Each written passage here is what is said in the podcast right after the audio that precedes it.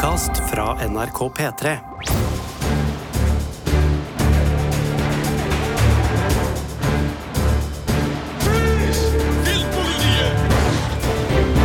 P3.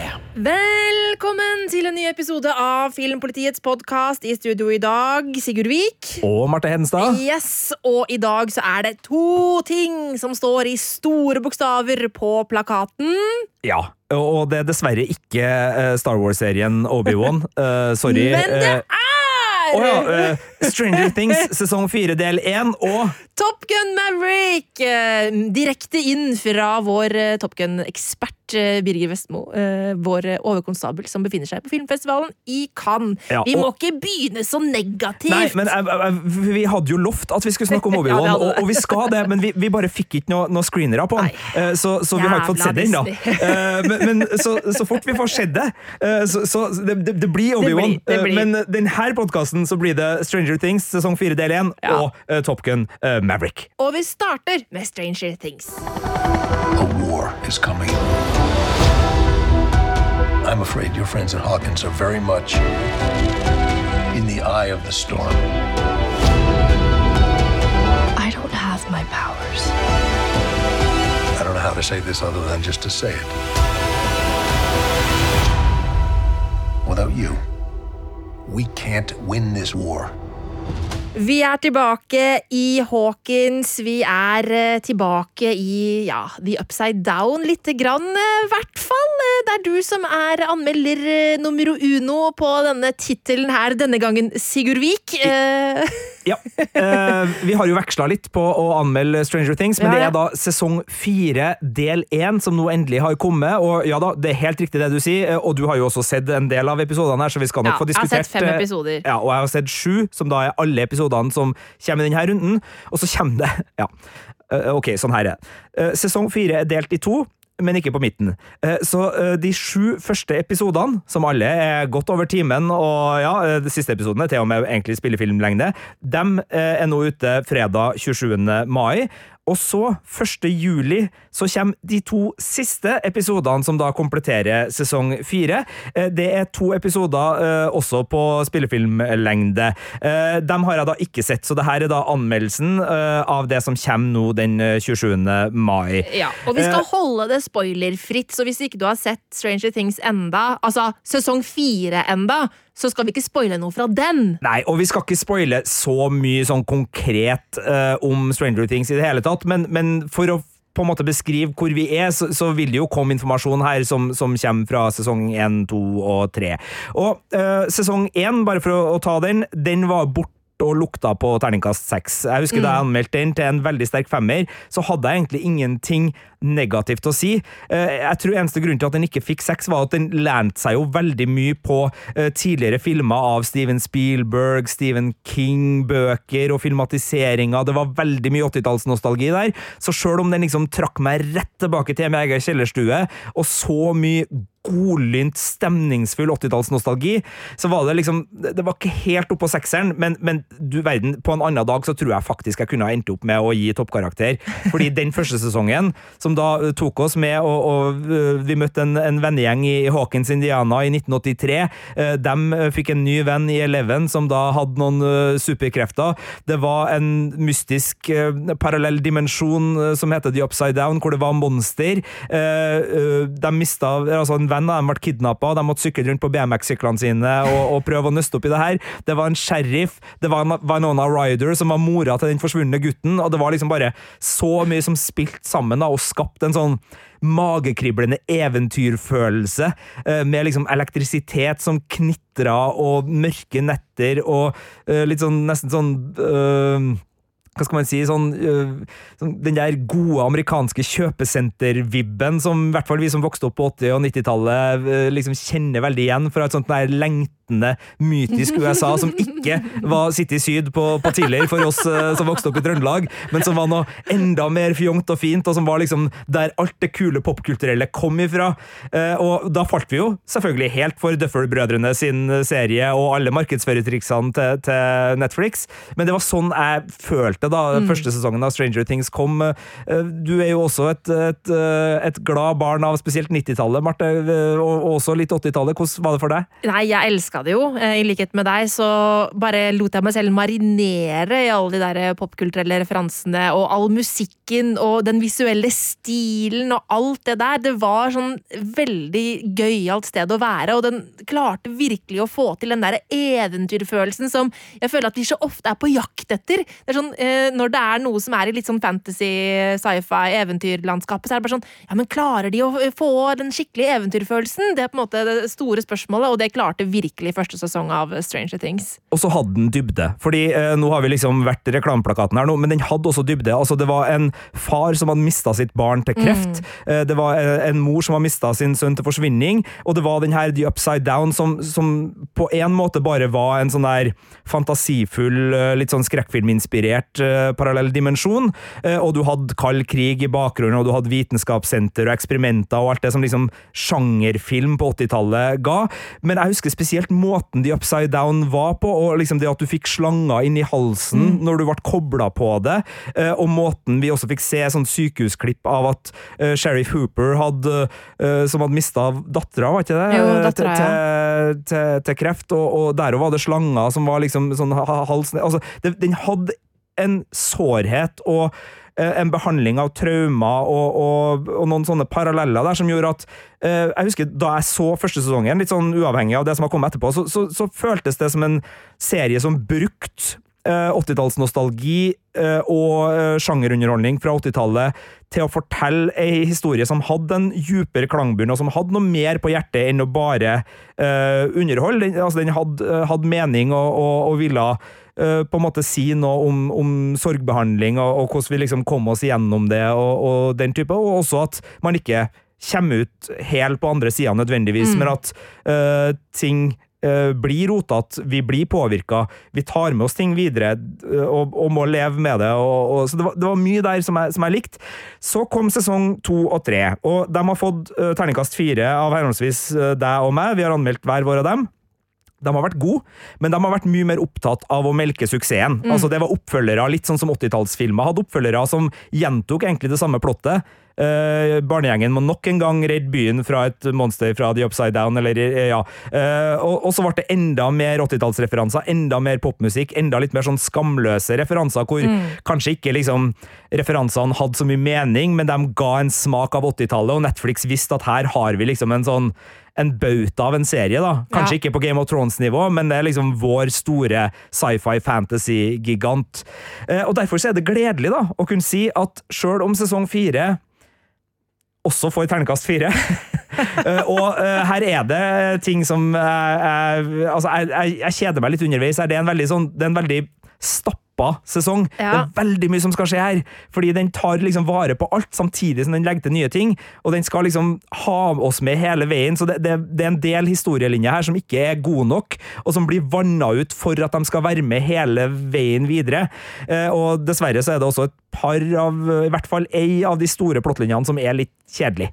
Eh, men den har så mye, og den går tilbake til røttene, og den plukker opp liksom hva er egentlig The Upside Down? Eh, Hvilke regler er som gjelder? Hvorfor kommer det stadig vekk eh, ting eh, ut derfra som er trusler? Og så bruker den mer skrekkfilm kanskje enn de tidligere sesongene som eh, popkulturelt bakgrunn, og, og høster fra filmer som Carrie, It, The Nightmare, uh, Nightmare on Elm Street, og bygge et monster denne gangen, med praktiske effekter som ser skikkelig kult ut, som gjør at vi uh, kommer mer inn i kjernen til liksom verdensbygginga og hva det her er for noe, og hvorfor det fenger i utgangspunktet som sci-fi, som uh, fantasy, som eventyr og som litt sånn horroraktig greie. Og derfor så er sesong fire både en, en sånn her pur sånn fanteoriglede over sånn endelig sitter jeg og grubler skikkelig, sånn som jeg gjorde i Game of Thrones, sånn som jeg gjør i Star Wars, på liksom sånn hvem er skurken, hva er greia her, hva ligger bak, hvordan henger ting sammen?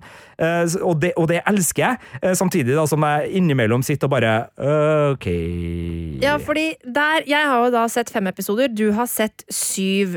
Og etter mine fem så er jo jeg ganske jeg- vi er, vi er relativt enige, men jeg er mer positiv enn deg. For min del så er, er jeg på en femmer etter de eh, fem episodene. Eh, og jeg koser meg skikkelig i den verdenen her. Og jeg har ikke opplevd at eh, jeg har kjeda meg. Fordi du snakka om at du på en måte syns ting blir litt langdrygt og sånn, og det er vel ikke bare etter episode fem det skjer. Sånn Nei. at eh, hvis du har kjeda deg, så burde yep. jeg også ha kjeda meg. Men det, Det- har jeg ikke gjort. Nei, da tar du feil. Men- du, du skulle ha kjeda deg, da. Men det, men det jeg eh, imidlertid har gjort, det er å vært, blitt skikkelig redd. Fordi jeg syns at det, det er ganske mye mørkere Altså, den har jo hatt en sånn gradvis mørkere og mørkere 16-årsgrense hele veien, har ikke det? jo, mulig det. Men, det, ja. men nå syns jeg Nå var det såpass mørkt og skummelt at jeg ved et par anledninger måtte se vekk. Eh, og jeg eh, Altså, i, mens vi spiller inn det her, da, så jeg, jeg så de fem episodene i går. Um, og det ble ganske seint utpå kvelden, og da jeg skulle legge meg, så må jeg innrømme at jeg var litt redd for at jeg kanskje skulle få mareritt. Men det gikk bra, da. Men jeg syns det er ganske mye skumlere enn det har vært i de tidligere sesongene. Uh, ja, jeg, jeg, jeg tenkte ikke så mye på det før du sa det, men du har jo helt rett. Jeg tror grunnen til at du syns det er skumlere nå, har også litt med hvilken type skummelt det er, for vi skal jo ikke spoile her nå, men, men at det er mer spøkelsesaktig, eh, eller demonaktig denne gangen. Ja, da blir jeg redd. Eh, og, og det er vel en trigger for deg når det gjelder eh, hvilke typer skrekkfilmer du syns er skummelt. Demoner er en trigger for meg. Eh, og så må jeg bare si òg, eh, Du snakka om traumer i stad. Eh, eh, vi skal ikke spoile noe, men jeg syns også denne sesongen virker å eh, ta opp den tråden igjen på ganske bra vis, og, og inkorporere det bra med horrorelementene i serien. Så der uh, syns jeg at den får til noe veldig bra. Jeg er helt enig. Det er også en del av det gå tilbake til røtteren-biten som jeg, jeg syns funker. fordi Det ene er på en måte at den nok en gang da setter i gang en eh, Dungeons and Dragons-kampanje med en ny, eh, kul eh, dungeon master som heter Eddie, spilt av eh, Joseph Quinn, som liksom er eh, Ah, veldig 80-talls outsider heavy metal-dude på high school, for de har jo begynt på high school nå. Som har dumpa veldig mange år, virker det som. Det, det, det ser ut som at han har tatt det siste året et par ganger. Eh, altså, eh, Joseph Quinn, som er skuespilleren her, er, eh, ikke en veldig ung fyr i virkeligheten, så de har jo gått opp på, til folk i 20-årene for Ja. å få, få noe til å spille her. Eh, Du nevnte Heath Ledger sin eh, rollefigur i den fantastiske high school-filmen Ten Things I Hate About You, mm. og jeg er enig med deg. Han har liksom den samme sveisen og den samme liksom rebelske energien. Han er sånn der skikkelig sånn fuck fuck systemet-fyr, eh, med liksom skikkelig sånn 80-talls eh, elgitar på Ja. veggen og uh, dealer litt drugs og er litt sånn bad boy, samtidig som han er liksom en sånn fyr du umiddelbart eh, kjenner en viss sånn eh, Og liker Ja, du liker en. Han, Ja. han, han er en sympatisk uh, rølper inni der. Uh, men, men du har de tingene der, og så har du liksom det at du får veldig mye mer om Eleven sin bakgrunn utover i sesongen, fordi vi har jo fått vite en del om det, men det er jo selvfølgelig noen, noen kjernehemmeligheter i, i hennes historie. Uh, og hun er jo også, som vi har sett i tidligere sesonger, svært delaktig i i hvert fall deler av koblinga til The Upside Down. Så, så, så det at man liksom går tilbake dit og liksom ikke bare sier det eller refererer til det, men faktisk uh, lar rollefigurene på vegne av oss bli nysgjerrig på hva er, egentlig, hva er det egentlig som skjer her nå? Hva er egentlig greia? For Der syns jeg sesong to og tre var litt for lettvint. De holdt seg liksom i overflata. De, det var upside down, men, men man liksom bo, bora ikke inn i liksom hva er årsakene her, og hvorfor er det sånn, og hva- er regler og alt sånt. Så der syns jeg også sesongen her er, er skikkelig fin. Uh, der jeg kjeder meg Uh, litt spoila til det her, men alle som har sett traileren, vet det.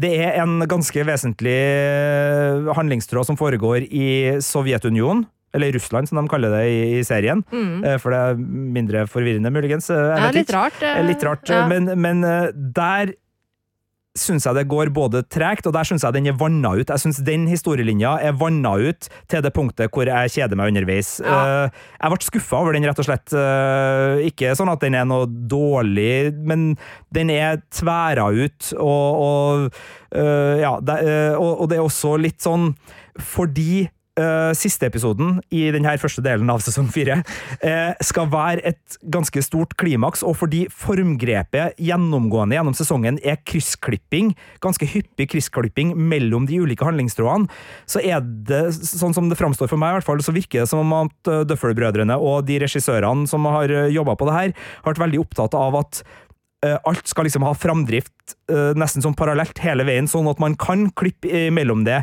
ganske sånn hyppig, eh, og holde liksom alle ved like.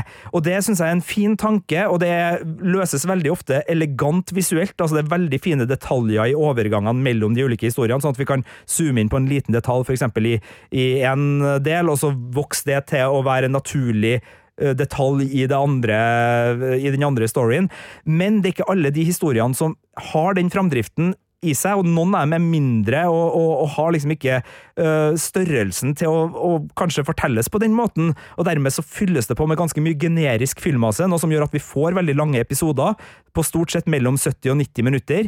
Det er en episodelengde jeg også syns er i overkant for den serien her. Jeg, jeg skulle gjerne ha sett at de har vært mye mer effektive med tida si, fortalt mer effektivt, og heller kanskje gått litt bort fra det fortellergrepet, og, og latt historiene kanskje bli fortært ferdig, og så kan den plukkes opp igjen kanskje to episoder senere. da. Hvis det var sånn at den var litt sånn eh, I stedet for at liksom så mye skal liksom holdes i gang Ja, ved vi siden må av hverandre. ikke innom alle Nei. plassene hele tiden. Så, så det er litt der jeg, jeg av og til kjenner på, på kjedsomheten i den sesongen. her. Så, så det er ikke det, er ikke, øh, det som fortelles, for det liker jeg skikkelig godt. Og, og når jeg liksom ser tilbake på sesongen, så har jeg en mye bedre følelse enn jeg hadde underveis. Mm. Uh, Men underveis så syns jeg formgrepene også fordi at det stykker opp og fragmenterer historien litt, sånn at innimellom, når jeg er skikkelig inne i en uh, sekvens, så forlater de den. Ja. Fordi de skal hoppe videre, fordi det er den formen de har valgt for den sesongen. her. Så, så det er noen det, det er ikke alltid sånn, og jeg syns de får veldig mye fint ut av det, og det, det er aldri dårlig,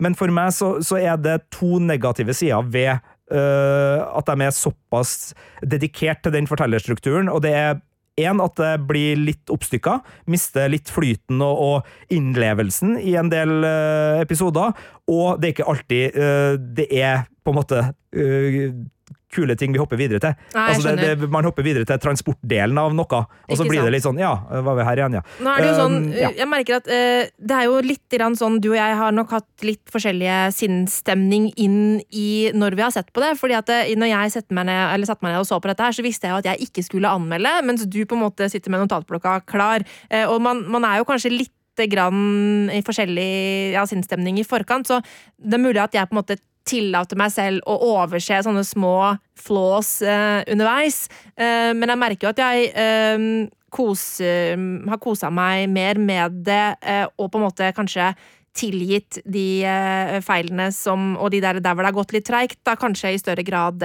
enn eh, deg. Ja, det tror jeg kan være en del, og så tror jeg nok også vi har litt ulik eh, tilgivelsesgrad på bruken av popkulturelle referanser og eh, bruken av 80-tallet Ja, jeg som eh, koser meg jo bare med det, mens du kan finne på å bli litt irritert når det blir for eh, apropos. Altså, eh, Balansen mellom det som er meningsfylte hyllester og homasjer til 80-tallsfilmer, 80-tallsprodukter, 80-tallspoplåter, eh, morsomme pastisjer og hule kopier, syns jeg jo Jeg syns de har alt her, da. Mm. Ja. Og jeg syns for eksempel, eh, apropos musikken det er sånn her, Å, der er en psykotisk eh, type. Vi spiller Psycho Killer.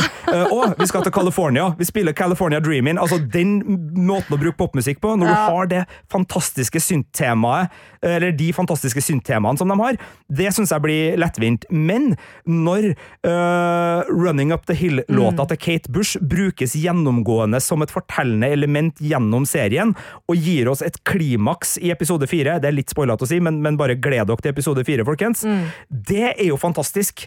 Eh, men jeg, eh, jeg er veldig mye mer begeistra for den, eh, den type bruk Ja. enn den der litt sånn lettvinte se 80-tallet. Og jeg syns Innimellom så syns jeg de prøver litt for hardt å være kul med alle 80-tallsreferansene sine, og at de liksom, det blir noe anstrengt over at det liksom hele tida skal være sånn her Husk at vi er en 80-tallsserie, folkens! Husk at vi er en 80-tallsserie! Wow! Se walkietalkie! Se gadgets, gadgets! Wow, wow, wow! Det, der kan jeg bli litt jeg sånn bare, jeg er bare ja, ja, 80-tallet! Ja. ja. jeg husker vi diskuterte uh, det her i forrige sesong òg, hvor det Ja. var enda mer skamløs Ja, øh, 80-tallsriffing. men, øh, men jeg syns den her er bedre på det, og, og jeg syns spesielt filmreferansene Eh, og og eh, Ja, fordi- spesielt ja. Nightmare on Elm Street og Carrie.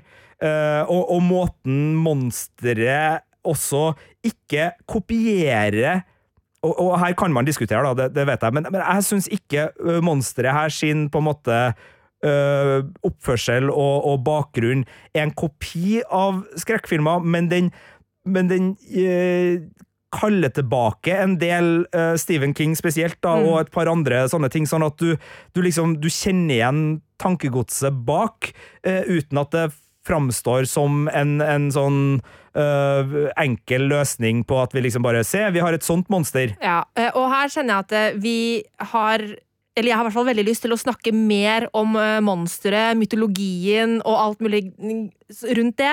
Men det blir for spoilete nå. Men det. altså, før, før finalen, som kommer i sommer, da må vi ta en sånn full runde eh, hvor vi får lov til å spoilerprate oss og gjennom tematikken og law og alt mulig godsaker fra denne sesongen her. For at jeg synes det var på den fronten synes jeg det var veldig mye spennende å ta tak i. Ja. Eh, eh, veldig. Eh, og eh, nå vet med at de to siste episodene ikke da er en del av det her slippet, eh, så, så, eh, og det kan jeg også si eh, Sesongen har en Altså, del én har en finale som eh, både har liksom cliffhanger, men også liksom øh, Men den, den er forløsende. Ja. Sånn at det er ikke en sesong som stopper midt i. Det er ikke sånn at de bare har klippet en plass. lufta. Nei, så du, du får en, en uh, veldig god, syns jeg, da, siste episode på halvannen time, som er uh, Og der kommer kryssklippinga til sin rett. Fordi da har man Og jeg merker liksom fra episode fem til øh, seks og sju, så syns jeg det Da får den den rytmen. Mm. Eh, Da, da kommer belønninga for at den har drevet med, med den her øh, sirkulære måten å, å fortelle på. Mulig jeg har overtenkt det der litt mye, men, men, altså sånn, men da kommer det liksom noe et, en, en rytme, tempo, et driv ut av det som gjør at man liksom, hver gang man skifter, så er det sånn Ja, vi er tilbake der! Ja, vi er tilbake der! Ja, vi er tilbake der! Sjøl om man er litt sånn Nei, ikke stopp nå! Ikke stopp nå! ikke stopp nå Men, men da funker det, da, for at det er så øh, bra spenning, og det er så, mye, det er så stort vitebegjær Ja. hos oss som publikum. Det er så mye sånn fanteoristimulering i, i hodet mitt. Sånn, er det det? Er det det?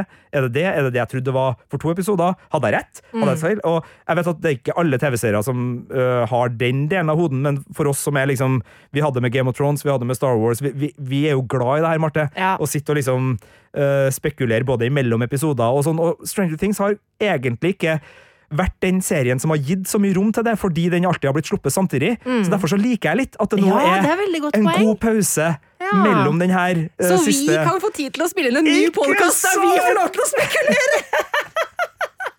ja, men, men du har helt rett. Eh, Før 1. juli så skal vi lage en skikkelig Stranger Things sesong 4-spesial, hvor vi både skal eh, snakke spoilerfylt om det som har skjedd, og finne ut hvor uenige og enige vi egentlig er, sjøl om jeg tror nok vi er eh, Det er nok mer sånn seriesmaken vår kanskje som, som gjør at vi eh, muligens ender opp på ulik terning. Mm. Kanskje du ender opp på en femmer. Ja, Jeg er på en femmer nå, Ja. foreløpig, i hvert fall. Ja, da tror jeg nok, for jeg, jeg var nok ned og slura ned om treeren Ja, er eh, litt for noen episoder siden. ja. ah. Ja, men da var jeg, da var ikke jeg noe Men, men den, den tok seg opp, altså, så den, Ja. den havna på en firer. Men jeg syns det var veldig omstendelig inni midten der. Ja, eh. Men det, det var ikke innholdet i fortellinga jeg var irritert på. Nei. Stort sett bortsett fra eh, Sovjet. Ja, ja, Sovjet Eh, var litt kjedelig, det skal jeg innrømme. Ja. Litt. Ja.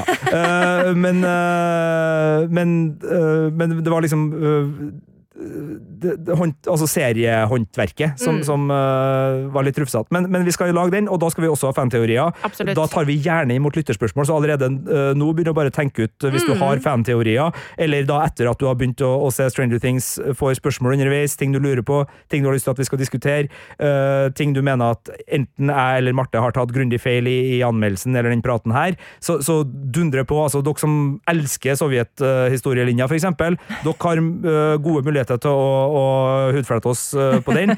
Den- er kul, den òg, altså. Det, så, så ikke, liksom, Det er ikke ikke, dårlig. det er ikke dårlig. Det var bare at jeg hadde store, store, store forventninger der.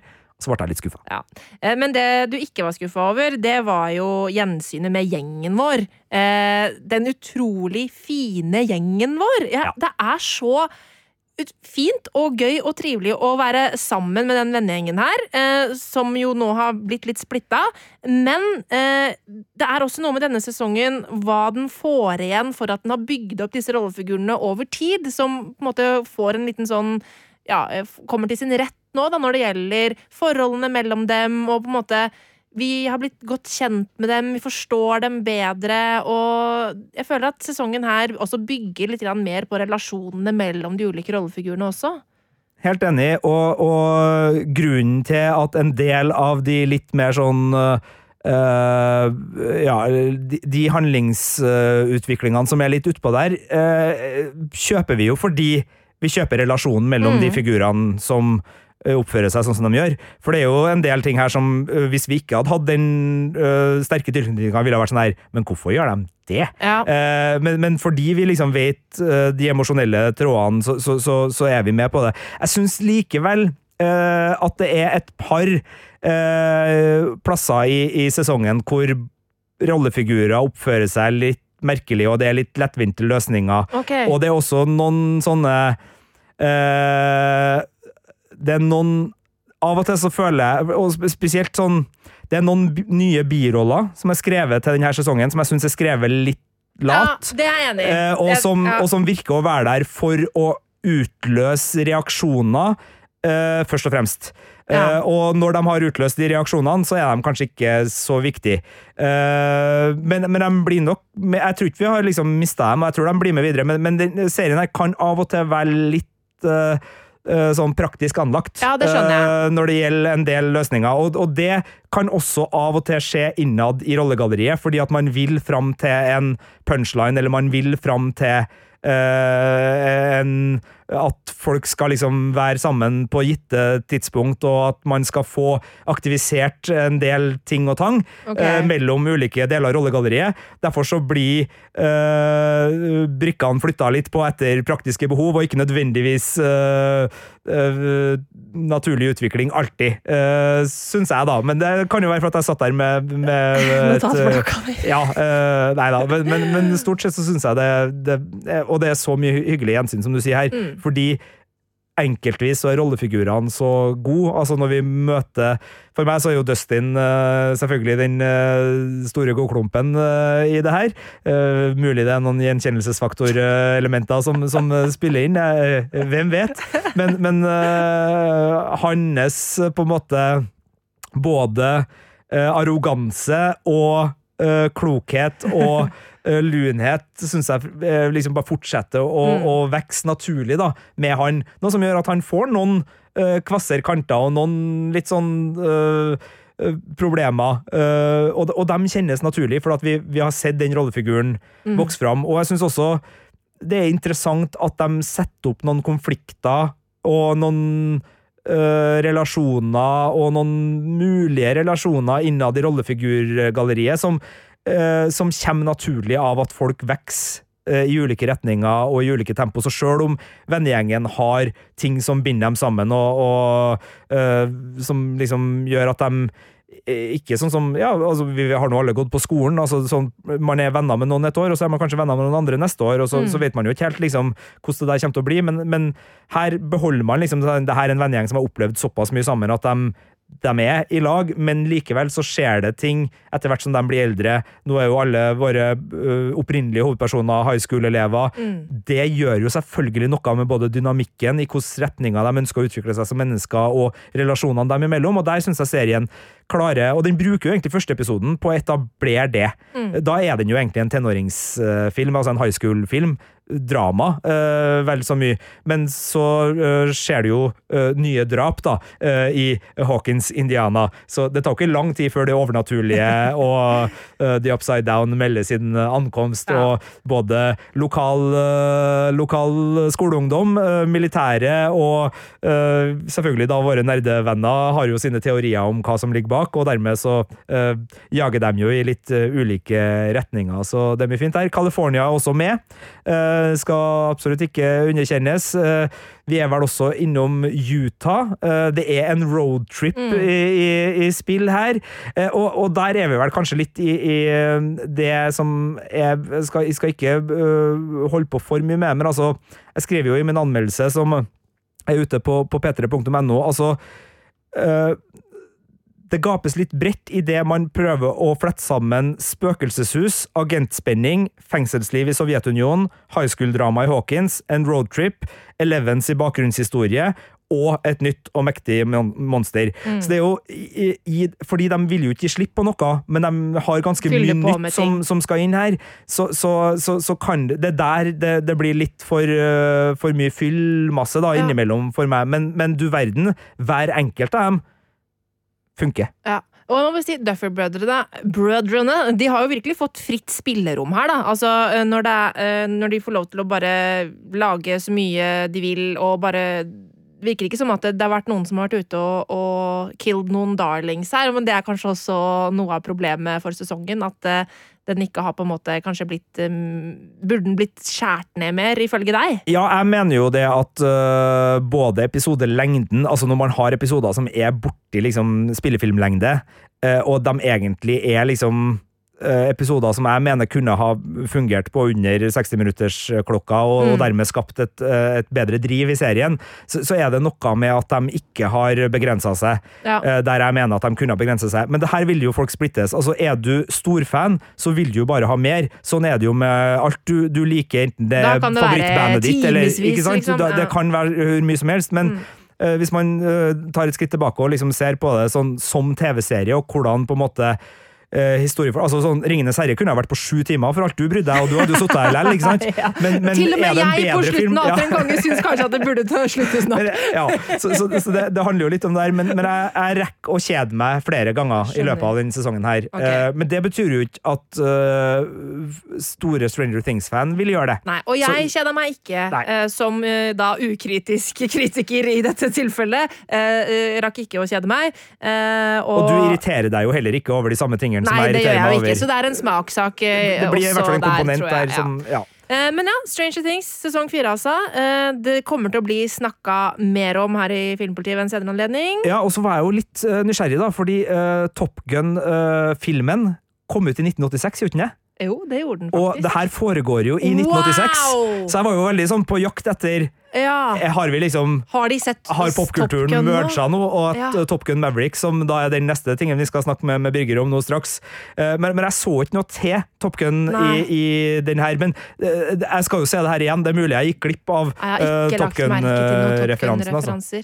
Og det hadde, vært, det hadde vært gøy, men jeg husker ikke datoen. Jeg syns ikke det hadde vært gøy. Altså- jeg synes det også hadde vært ekstremt irriterende. hva var datoen? Altså, hvilken dato var det Top Gun kom ut? Det, det har jeg lyst til å finne ut nå. Ja, ok, Fordi- Så mens du undersøker det, vi er da i eh, Vi er på vårparten. ja, og der eh, fikk jeg en aha-opplevelse da jeg leste din anmeldelse, Ja, A-ha Sigurd. ga jo ut eh, i 1980 Nei da. Du fikk en aha-opplevelse av at vi er i spring break 1986. Som jeg mulig jeg er helt idiot, men jeg har alltid tenkt at spring break er sommerferie. Og så har jeg alltid tenkt hvorfor heter det spring break når det er sommerferie?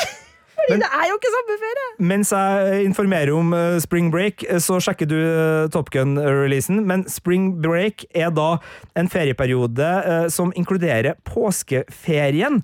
Eh, på tidlig vår eh, på universiteter og skoler eh, leser jeg her fra Wikipedia. Eh, as a holiday, it variously known as Easter vacation, Easter holiday, Easter break, spring break, spring vacation, midterm break, study week, reading week, reading period, Easter week or March break, depending on regional conventions. Ja. Så, så det, vi er nok på vår, vårferie her, i hvert fall. og da er det nok litt for tidlig, Fordi det her er da antageligvis omkring april. Jeg vil tro 4. juli. Skal du si 4. juli nå på Top Nei, nei, jeg skal si 12. mai.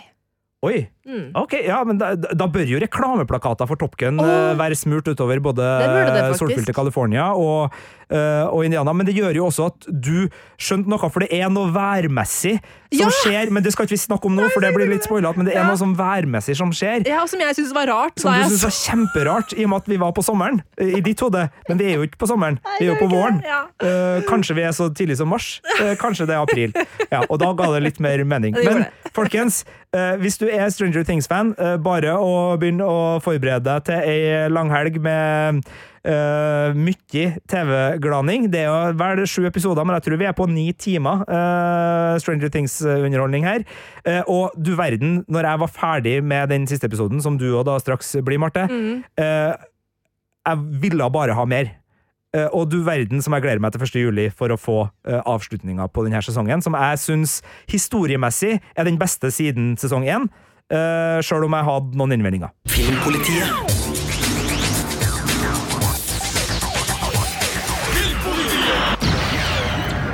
Og nå har vi fått med oss vår overkonstabel Birger Vestmo direkte, altså på podkast direkte, inn fra filmfestivalen i Cannes. Hei, hei, Birger. Hallo, hallo. Nesten programforplikta til å si bonjour og lat som at jeg kan fransk. Det kan jeg dessverre ikke, sjøl om jeg har vært her i Cannes hvert år siden 2008. Bortsett fra i fjor og forfjor, da. Ja, Det viktigste er å kunne bonjour og merci, og det tipper jeg du får til. Uh... Ja, det er helt korrekt. Det får jeg faktisk til. Det er veldig bra. Uh, vi skal jo prate om uh, altså den store kinopremieren denne uka, som du så allerede forrige uke på filmfestivalen, nemlig Top Gun Maverick.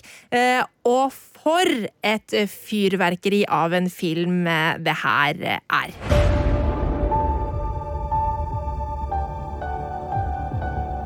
Captain Pete Maverick Mitchell. Let me be perfectly blunt. You are not my first choice. You are here at the request of Admiral Kazansky, aka Iceman. He seems to think that you have something left to offer the Navy. What that is, I can't imagine. All due respect, sir, I'm not a teacher. Vi kan jo bare avsløre med en gang at Du har jo gitt terningkast eh, fem, eh, Birger. Eh, Men bare for dem som ikke er innviet i Top Gun Det er jo ikke sikkert at alle av lytterne våre faktisk har sett den gode, gamle filmen. Kan ikke du fortelle hva er Top Gun egentlig? Top Gun det er en film som kom i 1986, og som var inspirert av en eh, magasinartikkel om det virkelige Top Gun. Altså et akademi for de aller beste pilotene i det amerikanske luftforsvaret, som eh, utdanner dem til å bli enda litt bedre. Og eh, i Top Gun så møtte vi da eh, kommandør Pete Maverick Mitchell, spilt av Tom Cruise, som da kommer til dette akademiet med en klar ambisjon om å bli den beste av de beste, men møter skarp konkurranse, bl.a. fra Iceman, spilt av Val Kilmer. Og så forelsker han seg i ei dame som viser seg å være instruktør på Top Gun, nemlig Charlie, spilt av Kelly McGillis. Og det ble jo en kjempesuksess i 1986, og et popkulturelt fenomen som levde i årevis etterpå, og gjorde Tom Cruise til en superstjerne. Og jeg husker jo veldig godt da jeg så filmen på Stjørdal kino, jeg var da 16-17 år, og hadde jo visst om filmen fra før av pga. soundtracket. For eh, de som opplevde 1980-tallet, vet at eh, informasjonsflyten den gangen den var ikke like enkelt som nå, så det hendte ofte at man ikke visste om nye filmer før de plutselig eh, ble vist på kino. Men Top Gun hadde vi hørt om, fordi soundtracket allerede var solgt i millioner av eksemplarer, og du hadde hits som Danger Zone med Kenny Loggins og Take My Breath Away med Berlin. Og derfor så var vi allerede forberedt da Top Gun eh, kom. og den eh, slo oss i bakken med en fantastisk eh, actionunderholdende historie med store, nydelige jagerfly. Eh, skutt eh, gjerne i eh, en sånn eh, solnedgangsfarga eh, setting som gjorde at det så vanvittig pent ut. Omtrent som en reklamefilm. Og mm, det er jo ikke rart fordi både regissør Tony Scott og produsentene Dom Sinsen og Jerry Bruckheimer de, de, de kom jo fra reklamebransjen og eh, tilegna seg reklamebransjens eh, estetikk når det gjaldt eh, bilder i eh, filmsammenheng. Eh, De gjorde jo også med altså Produsentene gjorde det også med Flashdance i 1983 og Beverly Hills Purk året etter.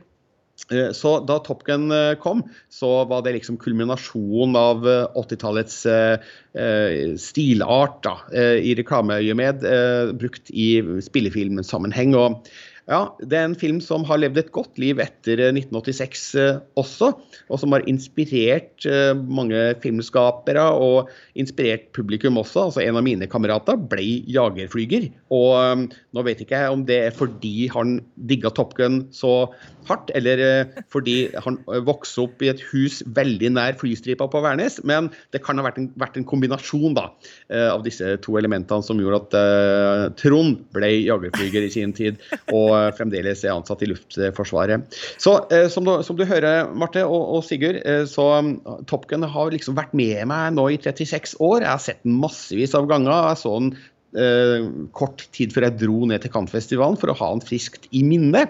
Eh, og derfor så, selv om det har gått 36 år siden eh, med film 1 og film 2, så virker ikke tida så lang for min del, da, fordi den første filmen har, vært med meg hele veien.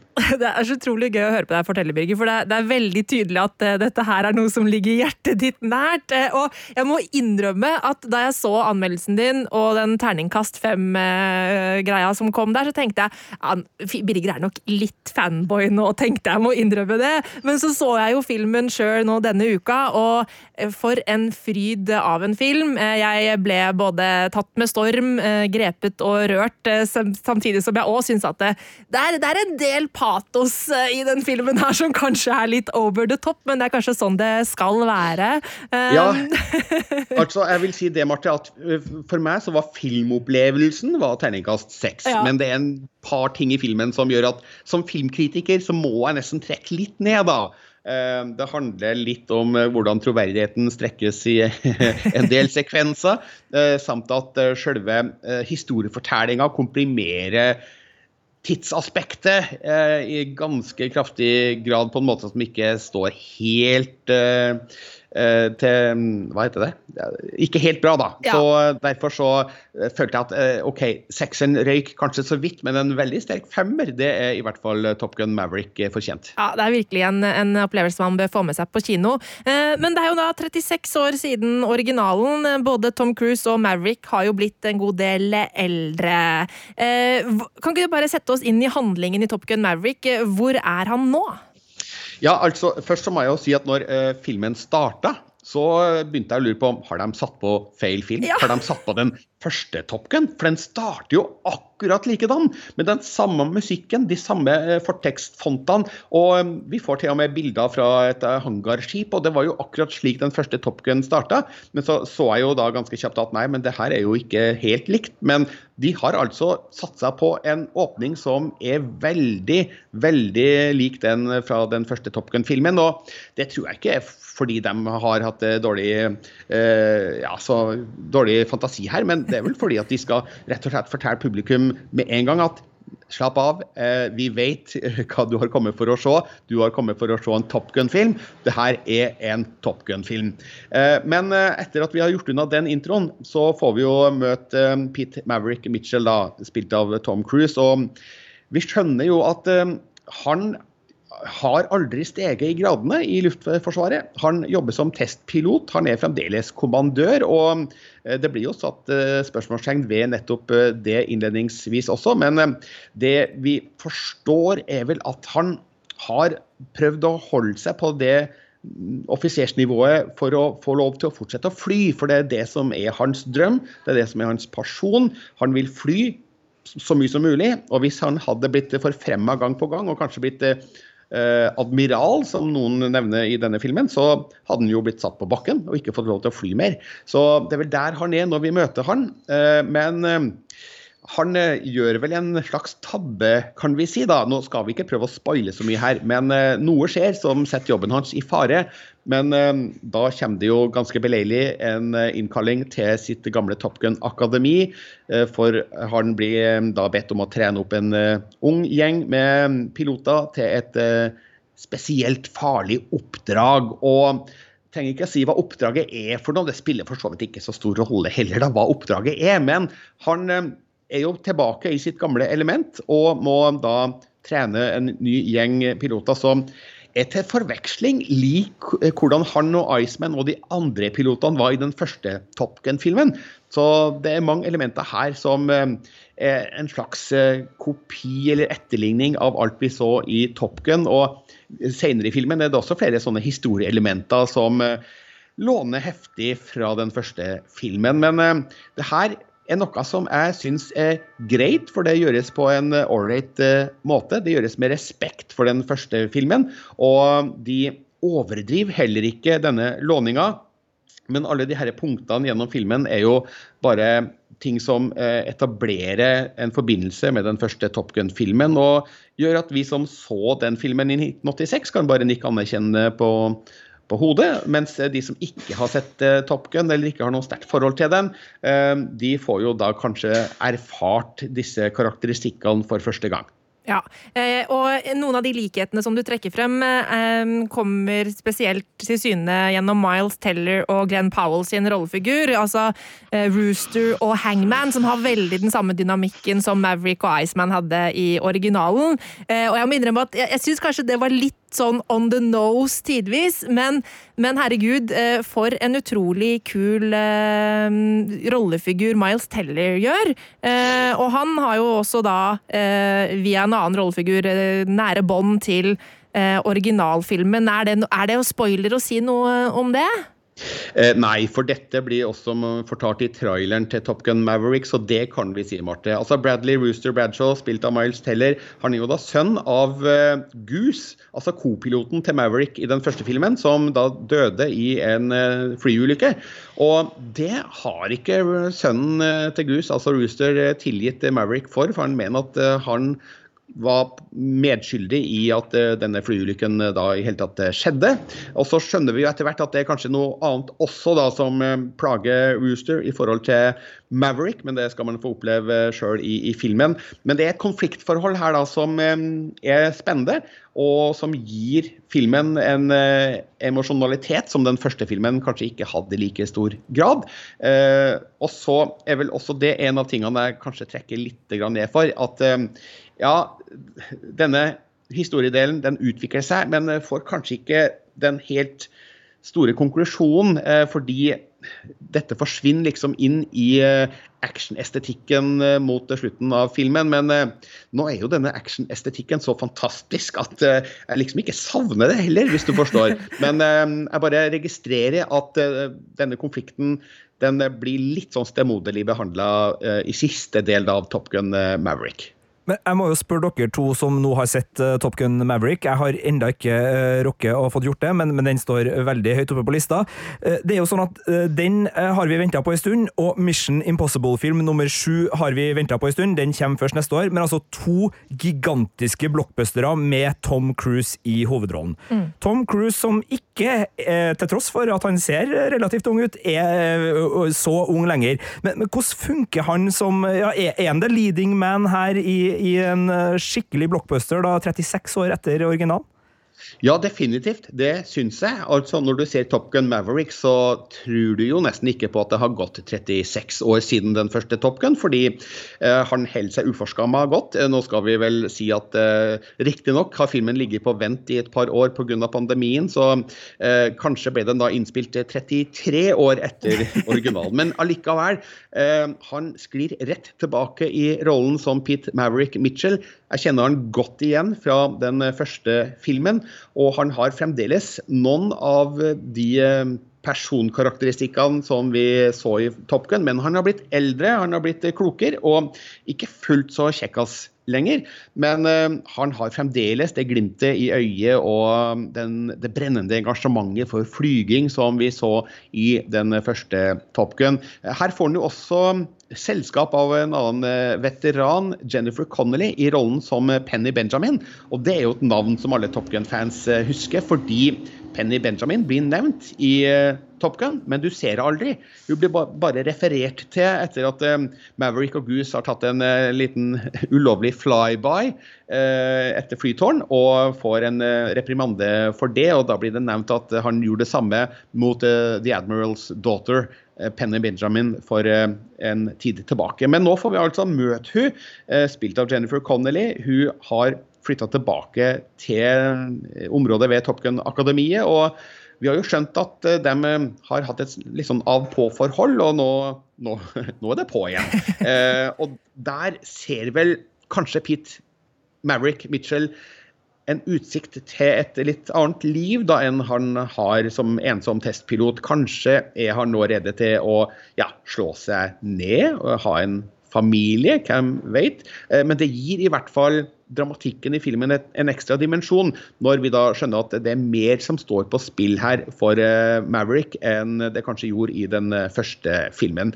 Og så Samtidig syns jeg jo det er litt trist og litt rart at Charlie, spilt av Kelly McGillis i den første filmen, ikke blir nevnt i det hele tatt i Top Gun Maverick. nå vet jeg ikke hvorfor hun ble skrevet ut av historien. Det kan nok ha å gjøre med at Kelly McGillis har blitt en eldre dame, og kanskje ikke er en naturlig love interest for eh, Tom Cruise lenger. Altså, såpass kynisk kan det være. Men eh, jeg syns jo at eh, siden hun var en så viktig del av den første filmen, når han nå kommer tilbake til Top Gun-akademiet, mm. så er det litt rart at Charlie-figuren ikke nevnes eller refereres til på noe som helst vis. Ja, fordi ja, Det er ganske lenge siden jeg har sett Top Gun, og jeg har jo sett den flere ganger, men jeg begynte å lure på sånn Hæ, er det noe jeg har glemt? Om det var noe som skjedde på slutten der som jeg ikke hadde fått med meg, fordi at hun ikke ble nevnt med et eneste ord. Så det syns jeg var litt rart. Stussa, stussa på det. Eh, men eh, du nevnte dramatikk, du har nevnt eh, action. Eh, vi, vi, må bare snakke litt om selve flygninga, for herregud, så sykt rått eh, flyaction eh, som er i den filmen der. Jeg ble helt slått av banen, jeg. Ja, altså Regissør Joseph Kosinski han kan tydeligvis sin eh, Top Gun, og sammen med fotografen og alle flyekspertene så har de greid å lage noen helt vanvittige scener.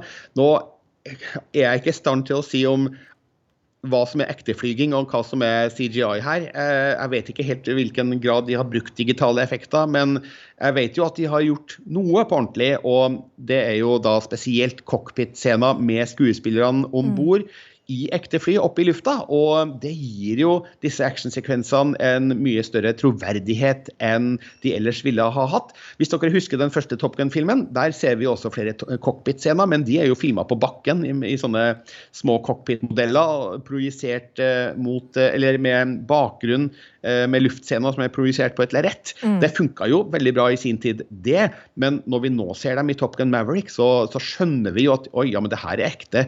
Fordi det er et eller annet med selv om man ikke er så godt trent til å se det, så jeg tror at publikum legger merke til det, om, mm. om, det er CGI eller om det er ekte vare. Og når man ser cockpit-scenene i Top Gun Maverick, så forstår man at ja, det her er virkelig. Eh, det er et eller annet man bare forstår uh, ut ifra liksom, dybdeforhold og fargespill og Du ser det jo på ansiktsuttrykkene deres også, når de blir påvirka av G-krefter, at ja, det her er ordentlig G-krefter ute og går.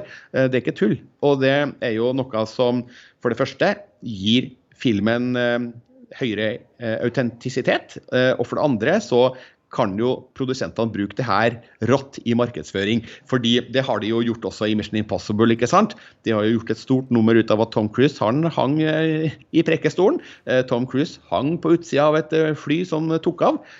Og det at han gjør sine egne stunts, det har jo vært en av de store salgsfremstøtene til disse filmene. Og når det gjelder Top Gun Maverick, så har de jo ikke prøvd å legge skjul på at uh, skuespillerne de har flydd på ordentlig, og Tom Cruise han har flydd sjøl. Så um, det er nok litt sånn marketing-ploy også, samtidig som det gir uh, disse scenene en høyere troverdighet. Ja, for det, det der med G-krefter, altså man kjenner det nesten sjæl, for du ser at de blir så klemt ned i setet. Og du, jeg blir i hvert fall veldig revet med når, når du ser de effektene på en måte virkelig prege ja. dem på ekte. Jeg tror at hvis man ikke har kjent på G-krefter før, så, så, er det vanskelig å forestille seg hvordan det egentlig føles. Eh, jeg har, jeg har kjent på det der én gang spesielt. Eh, jeg var med i et propellfly. Jeg var bare 12-13 år gammel, der piloten da skulle ha det litt gøy med, med meg og far min som var med om bord som passasjerer, og la flyet inn i et stup. Og eh, ikke så veldig langvarig stup, men så, så flata han ut igjen. Men der kjente jeg jo både minus- og pluss-G-krefter, og det var helt eh, eiendommelig, og jeg husker det veldig godt så lang tid etterpå. at det at kroppen plutselig blir så mye tyngre, det var, det var, snålt. Men det her merker jo man også litt i vanlige passasjerfly. Hvis du plutselig treffer en luftlomme eller et eller annet, og det rister litt, så kan du jo kjenne det så vidt på kroppen, men det er jo ikke i nærheten av hva man, man føler på i et eh, jagerfly, der man eh, ja, kan få flere G. Jeg vet ikke hvor høyt opp skalaen går egentlig, men det er i hvert fall eh, betydelig med G-krefter man blir utsatt for også i Top Gun Maverick, og det, det, det syns på ansiktene til skuespillerne som er med oppi der. Ja. Så det er eh, en spektakulær eh, filmopplevelse som man absolutt bør eh, få med seg på kino. Syns du ikke det? Altså, hva ville du sagt til folk som på en måte tenker at nei, den her tar jeg på strømming? Jeg vil si don't do it. For all del, se den her på kino. For det er liksom visse filmer som du må oppleve på et stort kino, eller rett. Altså The Batman var en sånn film litt eh, tidligere i år. Top Gun Maverick er en sånn film akkurat uh, nå. For uh, selv om den helt sikkert kommer til å underholde godt også på TV-en i stua, så uh, er det på kino du virkelig får inntrykket av det arbeidet som har blitt gjort. Og du får liksom full uttelling for det visuelle, og ikke minst så får du et vanvittig lydtrykk. I hvert fall hvis du sitter i en kinosal med et godt lydsystem, som du aldri i verden kan ha i stua di hvis du ikke har et helt sjukt anlegg i stua. Da. Noen har jo det. Men Eh, i hvert fall, eh, det er en kinofilm laga for kino, og det var Tom Cruise veldig nøye med å understreke da eh, han var her i Cannes i forrige uke. Jeg var med på en session sammen med han der, sammen med 1200 andre i salen, så det var flere som hadde lyst til å møte Tom Cruise. Nå hørtes det liksom ut som at jeg møtte Tom Cruise one, one on one, men, men han var veldig tydelig på at uh, dette er en film som må på kino. og uh, Han ble spurt om uh, var det på noe tidspunkt aktuelt, altså siden ble jo, den ble jo utsatt i to år nå, om det på noe tidspunkt var aktuelt å, å slippe den på en strømmetjeneste. Og da, og da, lo han bare rått og sa That's never gonna happen. Så han brenner for kinokunsten. Og um, han syns at alle filmer skal ses uh, først på kino, i hvert fall hans egne, vil jeg da anta. Og det er klart at Top Gun Maverick den, uh, den må ses på kino for å få fullt utbytte av uh, actionen. Og det er da du får liksom dragsuget i magen og bakoversveis. Ja, Det er bare å komme seg på kino, skjønner du, Sigurd. Ja, jeg, jeg, trenger litt bakoversveis. Litt, litt eh, sånn eh, Få krøllene litt bakovertrykt. Så, så det her høres bra ut, og jeg er jo helt enig med Tom Cruise uten å altså, den filmen her, altså Film er eh, best på kino, og på radio, selvfølgelig, som vi i Filmpolitiet alltid har sagt, og på podkast. Men nei, nydelig å høre, Birger, og, og en, virkelig en film jeg, jeg, gleder meg til å få blåst flettene av meg av i, i kinosalen. Og øh, jeg tenker jo også at øh, det å liksom bare nyte en sånn type actionfilm, for det er jo mange typer actionfilmer, og, og, og, mye som liksom gir fart og spenning, men en så liksom reindyrka, uh, nesten sånn danseaktig luftfilm som det her virker å, å være, og som eneren til en viss grad var òg, det, det, gleder jeg meg til å oppleve, for det, det føler jeg er lenge siden jeg har sett altså sånn militæractionfilm som ikke liksom er nede i, i skyttergravene med soldater, men som, som, som løfter det. det. Det ser jeg fram til. Eh, jeg må bare få lov til å si igjen at uh, regissøren Joseph Kosinski han fortjener en real uh, klapp på skuldra her. For uh, det at han har greid å lage en så til de grader Top Gun-film, det er godt gjort. Nå har jo denne filmen vært planlagt faktisk i ja, sånn åtte, ni, ti år der omkring. Men eh, og det var jo da i utgangspunktet den første filmens regissør, Tony Scott, som var tenkt som regissør.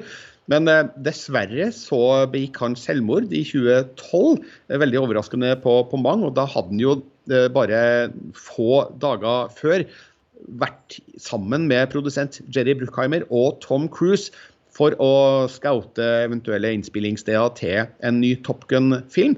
Men da han døde Da ble jo det arbeidet lagt på is, men eh, så eh, knytta de kontakt med Joseph Kosinski, som jo allerede da hadde laga en utrolig god oppfølger av en 80-tallsfilm, nemlig Tron Legacy, oppfølgeren til Tron. Og han hadde også laga Oblivion sammen med Tom Cruise, og han har virkelig greid å, å lage en oppfølger som eh, virker å være verdig og likeverdig med den første filmen. og en naturlig forlengelse av det universet som eh, vi fikk se da. Og Så gjenstår det å se da om eh, Top Gun Maverick blir en like stor suksess. Jeg har eh, lest at den, den, må tippe over en milliard innspilte dollars for å slå originalen. og nå er det projisert at den i løpet av den første helga vil kanskje tjene inn mellom 700 og 800 millioner dollar. Det er litt usikre tall, selvfølgelig, men uh, hvis eh, det slår til, så er den jo på god vei da, til å bli uh, like stor og kanskje større enn den første Top Gun-filmen, målt i penger. Men selvfølgelig, originalen er nesten alltid best, og det er nok den som kommer til å ligge mitt hjerte aller nærmest av disse to, Selv om Top Gun Maverick er absolutt en veldig fin oppfølger som gjør det aller, aller meste riktig. Mm, så terningkast fem fra Birger til Top Gun Maverick. En luftig adrenalinfest av de sjeldne, som du skriver i anmeldelsen din, Birger. Eh, tusen takk for at du leverte en liten eh, Top Gun-rapport til oss eh, hele veien fra Cannes. Og så får du ha god tur ut i sola igjen, og så inn i kinomørket etter hvert. Tusen hjertelig takk for det. Filmpolitiet på P3. Der fikk du altså Filmpolitiet sitt, sin dom over både Top Gun Maverick og Stranger Things. Sesong fire, del én. Ja, ja. Sånn- Komplisert. Også, også, ikke bare del én, men på en måte veldig mange episoder. Ja. Uh, og så er det bare en liten snutt igjen til eh, resten av sommeren. du, jeg tror den siste episoden er på to og en halv time. Oi, dæven døtte. Ja, så ikke det er liksom Avengers-film Ja, okay, på, på okay. tampen. Ja. Eh, eh, ja, det tror jeg faktisk jeg skal eh, Et lite øyeblikk, bare. Du skal skrive opp det? Nei, du skal få uh, episode eh, Lengder? Ja, hvis det stemmer, da. Så, var det, så kom det ut her at eh, første episoden var på 1 time og 16 minutter. Ja. Uh, andre episoden på 1 time og 15 minutter. Så en kort episode på bare 1 time og 3 minutter. Episode 3. Episode 4 1 time og 17 minutter. Ja. Episode 5 1 time og 14 minutter. Episode 6 1 time og 13 minutter. Og episode 7, som da var den siste i denne delen av sesong 4 på Stranger Things, 1 time og 38 minutter. Ja. Så der var det jo spillefilmlengdeepisode, spesielt den siste. Og så, da, 1. juli, så kommer de to siste episodene av sesong 4 av Stranger Things. Uh, og episode 8 er på 1 time og 25 minutter, så det er en sånn god gammel eh, 80-tallsfilm. Og så 2 timer og 30 minutter. Wow, det er jo en dritlang kinofilm! Ja, så det er, eh, det er da fire timer Stranger Things som står igjen Ikke på tampen sant. av denne sesongen. Ja, jeg Eh, skjønner. Så, uh, men som sagt, som jeg sa tidligere, jeg gleder meg veldig til den sesongavslutninga, fordi Første del av sesong fire avsluttes med noen klimaks som virkelig gjør at det, det kribler i magen, så jeg er med, altså. Ja. Selv om jeg hadde noen innvendinger underveis. Men så er det jo én stor tittel vi ikke har snakka om i den podkasten her, Mhm. eh, og det er rett og slett fordi at vi har ikke fått sett noe enda, men det blir Star Wars til uka, Marte. Ja, altså Obi-Wan Kenobi har jo premiere med to episoder på Disney Pluss på fredag. Som du nevnte, vi fikk ikke noen påsynsepisoder i Nei, de er streng. forkant. De er er streng. veldig strenge Disney nå, så vi er vanlig dødelige som dere andre og må vente eh, til premieren eh, på fredag. Eh, og da skal vi selvfølgelig se det, og vi skal selvfølgelig prate om det, men det blir over helga. Ja, og på søndag i Filmpartiets sending på, på P3 mellom 12 og 15, selvfølgelig. Så hvis du vil ha vår første dom, så kommer den på radio, og så kommer den nok på, på nett og også på podkast til uka. Absolutt. Så det er bare å henge med her i Filmpolitiet. Tusen takk for at du hørte på i studio her nå. Sigurd Vik? Og Marte Hedenstad. Med all respekt. Læreren har gitt en oppgave som handler om oss. Altså med all respekt. Hvis du, lærer, hvis du læreren hører på nå, hva faen er det du holder på med? Men du skader jo disse barna her, barna her umenneskelig. Horrible meninger. For det andre kan ikke snakke norsk engang. For det tredje hva faen er det du driver med? Full av konspirasjonsteorier. Dette er, som, dette her er som å gi Twitter-feeden Donald Trump til eh, ba små barn. Det er jo helt sjukt hva du driver med, men tusen hjertelig takk. Fortsett å gjøre det. En podkast fra NRK. Med all respekt.